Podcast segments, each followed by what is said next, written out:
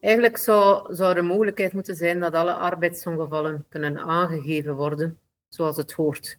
Zodat de werknemer toch altijd beschermd is, ook als er later zich nog iets voordoet. Uh, maar voor de werkgever moet er ook ergens, ergens iets, iets veranderen, want deze bedragen zijn niet betaalbaar voor de werkgever. Je luistert naar Verhalen in Veiligheid. Deze podcast brengt verhalen over veiligheid samen van de mensen die het doen. Met wisselende onderwerpen. Verhalen vanuit de wetenschap, verhalen vanuit de praktijk, maar vooral verhalen die raken uit ons mooie vak. Uw presentatrice Orlie Porlak.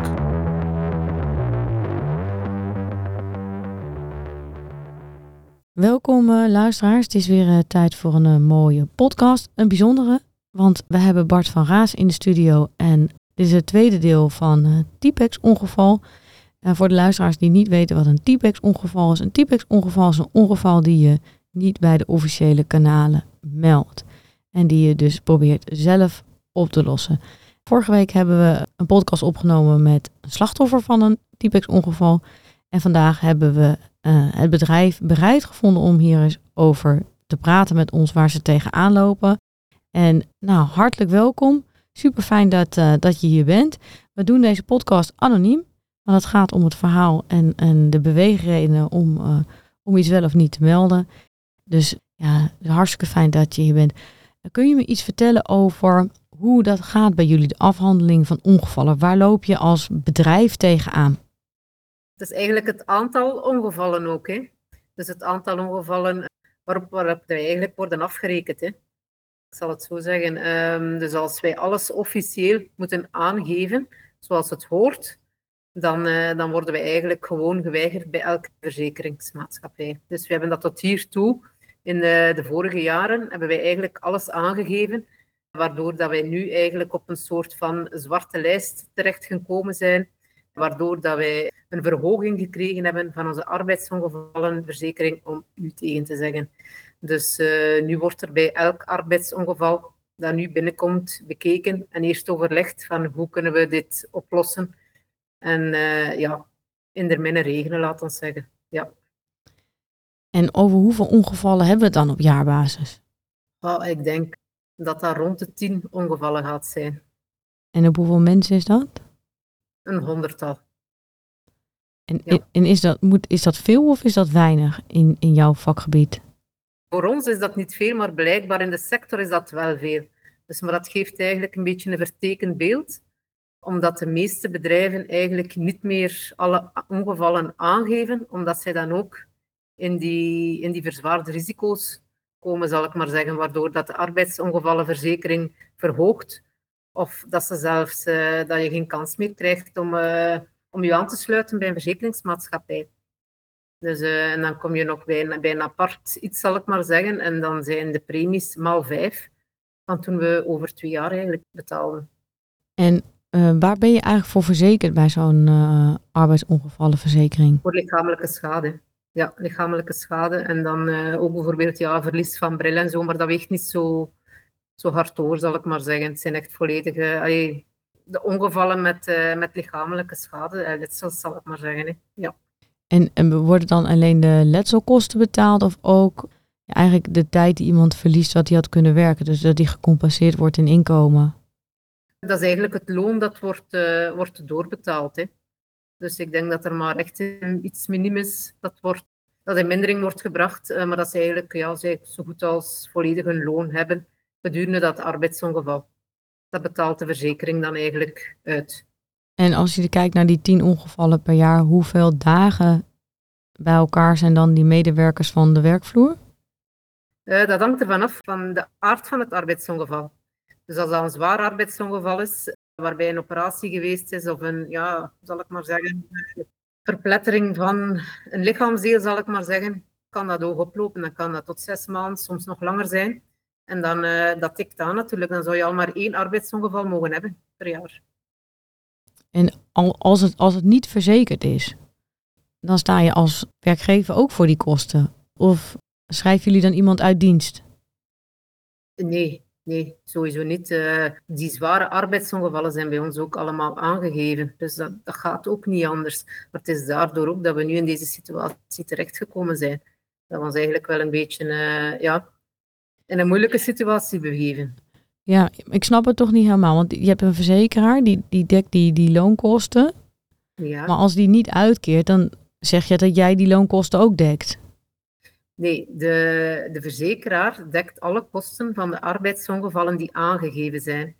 Dus maar de arbeidsongevallen die niet aangegeven zijn, die mensen krijgen gewoon hun loon uitbetaald. Dus, Dus, dus die wordt gewoon, dus zij komen bij wijze van spreken werken of ja, als zij hier een, een, een werk kunnen doen, bijvoorbeeld nog maar aan een tafel zetten en etiketten kleven, ik zeg maar iets. Dus, eh, dus maar dat zij toch eigenlijk niet ziek zijn, ik zal het zo zeggen. Ja, maar dan betaal je alsnog die loonkosten door. ja inderdaad. En vraag, Dan hebben we natuurlijk, ja. ja, vraagt die verzekeraar dan meer kosten dan de loonkosten? Is dat ook een probleem? Dat gaat over het aantal arbeidsongevallen. Dus, eh, dus zij nemen ook altijd nog een soort van reservekapitaal voor als de arbeiders eh, invaliditeit zouden hebben. Of, eh, dus dat wordt ook altijd berekend. Dat is daarvoor niet altijd correct en dat wordt dan later wel rechtgezet. Dus, maar dat wordt, gaat mee in de berekeningen. En dat weegt eh, soms wel heel hard door. Dus en dat heb je niet als je de mensen zogezegd doorbetaalt, gewoon hun loon. Misschien een hele gekke vraag, maar is het niet goedkoper om helemaal geen verzekering dan te hebben als je toch ook zelf de kosten betaalt? Dat is verplicht. dus het is verplicht om een arbeidsongevallenverzekering te hebben en u mag zelf de slachtoffers normaal niet vergoeden. Dus dat moet allemaal via een arbeidsongevallenverzekering gaan. Dus die keuze hebben wij niet. Dus nu als er wat gebeurt op je werk, dan bellen ze, wie bellen ze dan bij, bij jullie? Je, eh, word jij gebeld? Soms komen de telefoons bij mij, soms bij collega's en dan worden die doorgegeven naar iemand die meer verantwoordelijkheid heeft en die neemt de beslissing. Maar dit is lijkt me heel moeilijk te managen. Als je er maar één hebt en je hebt er nu tien, moet, moet je er van negen een typex ongeval maken. Inderdaad. Jeetje. Ja, inderdaad. En, en hoe managen jullie dit? Want het lijkt me ook, hoe, linksom of rechtsom ben je aan het betalen? Zoveel incidenten? Ja, het is inderdaad, het bedrag loopt, eh, loopt heel hoog op nu. Ja, dan, dan word je eigenlijk ook via de verzekering bijgestaan door een extra preventieadviseur. Eh, dus dan worden allemaal extra maatregelen regelen en, eh, regelingen en een actieplan opgesteld. Maar dan nog, ja, die personen zeggen zelf ook van bij andere bedrijven wordt het zo en zo gedaan. Dus eh, zij laten die mensen komen. Zij geven eigenlijk ons de pap in de mond en zij zeggen van zo doen andere bedrijven het, omdat wij ook zeiden van de, de cijfers zijn totaal niet realistisch. Hetgeen wij hebben, dat is eh, op, op bouwwerven zal ik maar zeggen. Dus een persoon die zich eens misstapt, of het is heel snel gebeurd, zo'n ongeval. Ehm, dus, en wij kunnen ons niet voorstellen dat dat op andere bedrijven anders is. Dus maar doordat dat op andere bedrijven ook wordt opgenomen, zal ik maar zeggen, als een typex-ongeval, zijn wij eigenlijk, eigenlijk ook verplicht om het op die manier te doen, omdat de cijfers zodanig laag liggen. En dat zijn geen correcte cijfers. Dus wij, zijn, wij kunnen eigenlijk niet anders dan het op deze manier doen. En de adviezen die ze dan geven, zitten daar dan adviezen bij dat je zegt, nou, daar had, daar had ik wel wat aan? Ja, ja algemeen dan, hè, naar veiligheid toe, ehm, ja, wat extra maatregelen, toolboxen, eh, dat worden gegeven. Eh, dat, is- dat sowieso, maar dat werd ook al gedaan. Dus veiligheidsdagen organiseren, ehm, dus echt naar preventie toewerken. Maar dat deden wij eigenlijk allemaal al de laatste jaren. Dus eh, ja, ik denk een ongeval dat dan nooit, ja, nooit ver weg is. En dat kan iedereen gebeuren. Dat, kan, dat is soms heel stom een ongeval. Het kunnen zwaar ongevallen zijn, maar je kunt u even goed mistrappen op een werf en, en een, een breuk aan uw been of zo hebben. Dus, eh, dus ja. En hoe is een beetje die aard van jullie werk? Want zijn jullie alleen verantwoordelijk voor de veiligheid? Of zijn de mensen eh, waar, waar, waar jullie je medewerkers naartoe sturen, hebben die daar ook een deel in? Bij ons zijn het eigenlijk eigen werven. Dus eh, we hebben ook werfleiders en projectleiders. En iedereen stuurt wel een beetje bij, maar ja, het is niet dat wij extern, een externe afdeling daarvoor hebben. En doet dit ook wat met jouw relatie met je, met je collega's, met je medewerkers? Dit is niet leuk. Als u aan een werknemer moet zeggen van ik ga u even doorverbinden, als hij u meldt van ik heb een arbeidsongeval gehad, dit, dat, kan ik de documenten van de verzekering krijgen. dan moet u eigenlijk zeggen van ja, ik ga u eventjes doorgeven. Dus ik, uh, ja, dat zijn geen leuke telefoons. Nee. Want jij bent ook medewerker. Ja, inderdaad, klopt. Dus je krijgt gewoon een collega aan de telefoon die denk ik helemaal in paniek is. Uh, ja, soms wel, soms niet. Uh, soms vragen zij naar papieren voor de verzekering om deze binnen te geven dan, dan aan ziek, bij ziekenhuis of bij huisdokter of, of voor dergelijke. En dan uh, ja, moet ik vragen van, van hen eventjes door te verbinden. En dan, ja, dan komt achteraf wel de opmerking dat het ongeval niet moet aangegeven worden. Dat het werd geregeld. Zijn mensen nou wel eens boos op jou, gewoon persoonlijk? Dat ze zeggen, ik voel me benadeeld?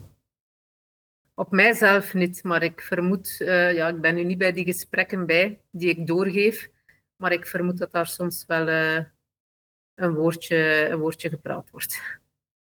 Ja, en, en, neem je het zelf ook mee naar huis? Soms wel, ja. Want, jij zit gewoon op kantoor? Ik, ik, zit gewoon op kantoor, dus de kans dat ik een arbeidsongeval heb is, is heel miniem. Het kan natuurlijk, maar het is heel miniem. Maar ik, ik ben mij bewust van mensen die op de werkvloer alle dagen, uh, zeker op een bouwwerf, aan het werk zijn, dat die kans veel groter is en dat dat heel snel kan gebeuren. En het zit soms in een klein hoekje. En ja, voor die mensen is dat ook een zekerheid. Als daar iets, uh, bij wijze van spreken, van blijvende letsels uh, zouden zijn, of, of als er twee jaar later, bij wijze van spreken, toch nog iets zou zijn, of zouden zij daar nog iets van overhouden aan dat ongeval, dan, dan, ja, dan het is niet aangegeven, dan staan ze met hun rug tegen de muur natuurlijk. Dus in dat opzicht is dat niet zo, niet zo fijn. Nee. En wat zou er anders georganiseerd moeten worden? Wat denk je dat, dat dit zou kunnen verhelpen? Wat is wel een, ja, een oplossing? Een oplossing? Um, ja, ik denk als alle bedrijven hun arbeidsongevallen correct aangeven, dus dat zij, ik weet niet hoeveel arbeidsongevallenverzekering moeten betalen en dat dat gewoon niet haalbaar is voor vele bedrijven. Dus ik weet niet, is het dan misschien beter dat elk voor zijn eigen, uh, zijn eigen werknemers betaalt als daar een ongeval is. Maar nog eens, dat is niet uh, wettelijk. Dus ja, het is eigenlijk, uh, als alles correct gebeurt, heel veel betalen.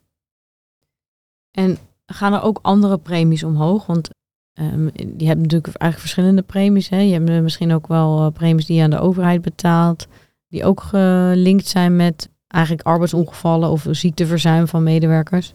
Het gaat eigenlijk enkel over de arbeidsongevallenverzekering, ja.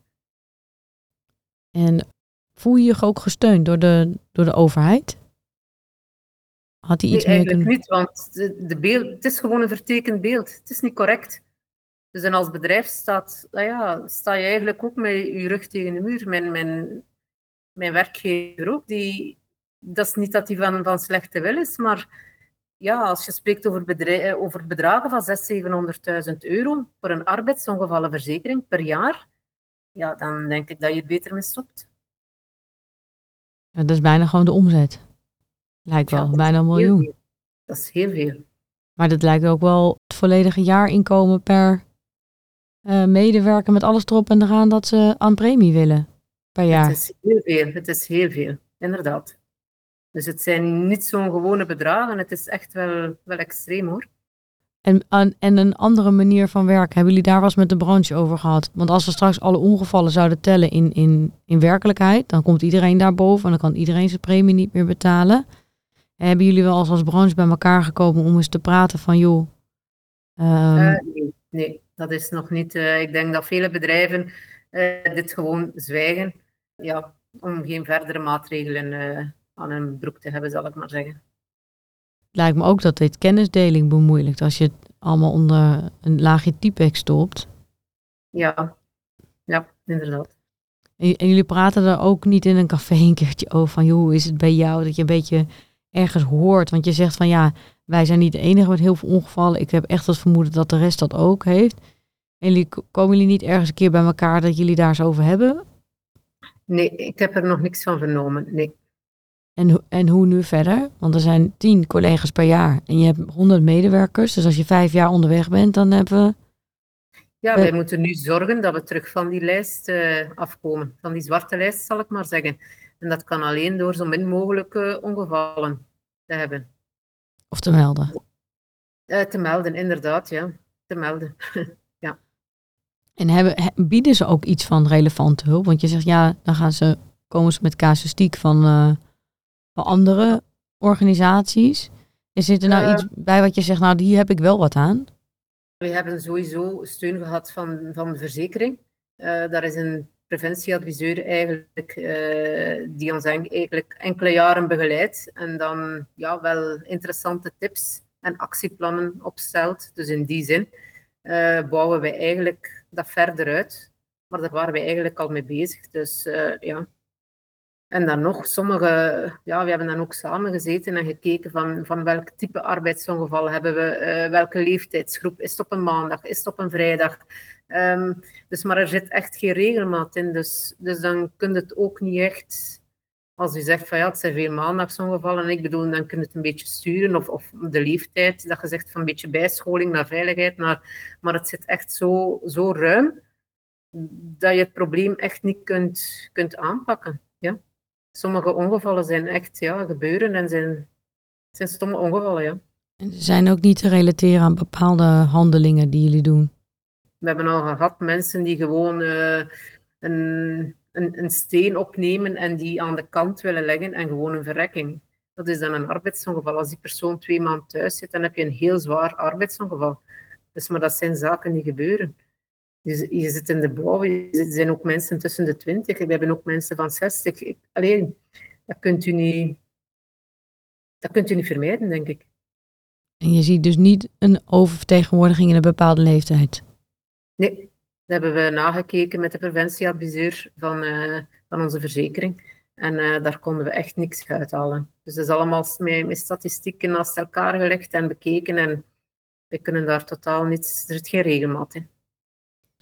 Maar dit lijkt me ook wel stressvol voor de werkdruk. Als er zoveel mensen 10% elke keer per jaar langdurig. Het is niet altijd langdurig. Het kan een snijwonde zijn ook. Dat die persoon bij wijze van spreken gewoon uh, dat de wonde gehecht is en dat die na vijf dagen al terug aan het werk is. Dus het zijn niet altijd zware ongevallen. Maar ja, het is dan ook de hoeveelheden die tellen. Dus, dus, uh, en dan ook de aard van het ongeval. Hè. Dus als die natuurlijk zes maanden thuis is, ja, ik heb het juist gezegd, dan, dan hebt u maar één ongeval nodig per jaar. Hè. En dan die, die verzekeraar telt ze allemaal even zwaar. Dus ongeacht wat voor soort ongeval het is. Eh, ze, ze kijken naar de frequentiegraad en naar de ernstgraad. Dus en aan de hand daarvan maken zij een, een quotatie op, zal ik maar zeggen. Dus eigenlijk betaal je gewoon voor een lost time injury of zo. Om het even heel plat te zeggen. Ja, inderdaad. Ja. En um, ik wil altijd een beetje met een positieve noot uh, eindigen in zo'n podcast. Als, als, als, jij, als jij de baas zou zijn en je mag iedereen een opdracht meegeven, wat zou er eigenlijk aan dit systeem moeten veranderen? Zodat je transparanter bent over je ongevallen, maar ja, dat ook de kosten misschien niet uit de hand lopen. Ja, eigenlijk zou, zou er mogelijkheid moeten zijn dat alle arbeidsongevallen kunnen aangegeven worden, zoals het hoort. Zodat de werknemer toch altijd beschermd is ook als er later zich nog iets voordoet. Uh, maar voor de werkgever moet er ook ergens, ergens iets, iets veranderen, want deze bedragen zijn niet betaalbaar voor de werkgever. Dus uh, ja, het is zowel naar werknemer als naar werkgever toe dat dit systeem niet goed zit. Totaal niet. En zou de overheid daar iets in kunnen betekenen? Ik denk het wel als zij verschillende zaken gaan, gaan, gaan aanpakken, zal ik maar zeggen, ja. Ongevallen lijkt zo wel een beetje een verdienmodel. Ja, inderdaad. Inderdaad, ja. Dank je wel voor, uh, voor deze mooie podcast. Oké, okay, dank u wel. Je luisterde naar Verhalen in Veiligheid. Wil je niks missen van deze podcast? Abonneer je dan op deze podcast in je favoriete podcastplatform. Of laat een recensie achter via Apple Podcast. Dank voor het luisteren Graag tot de volgende.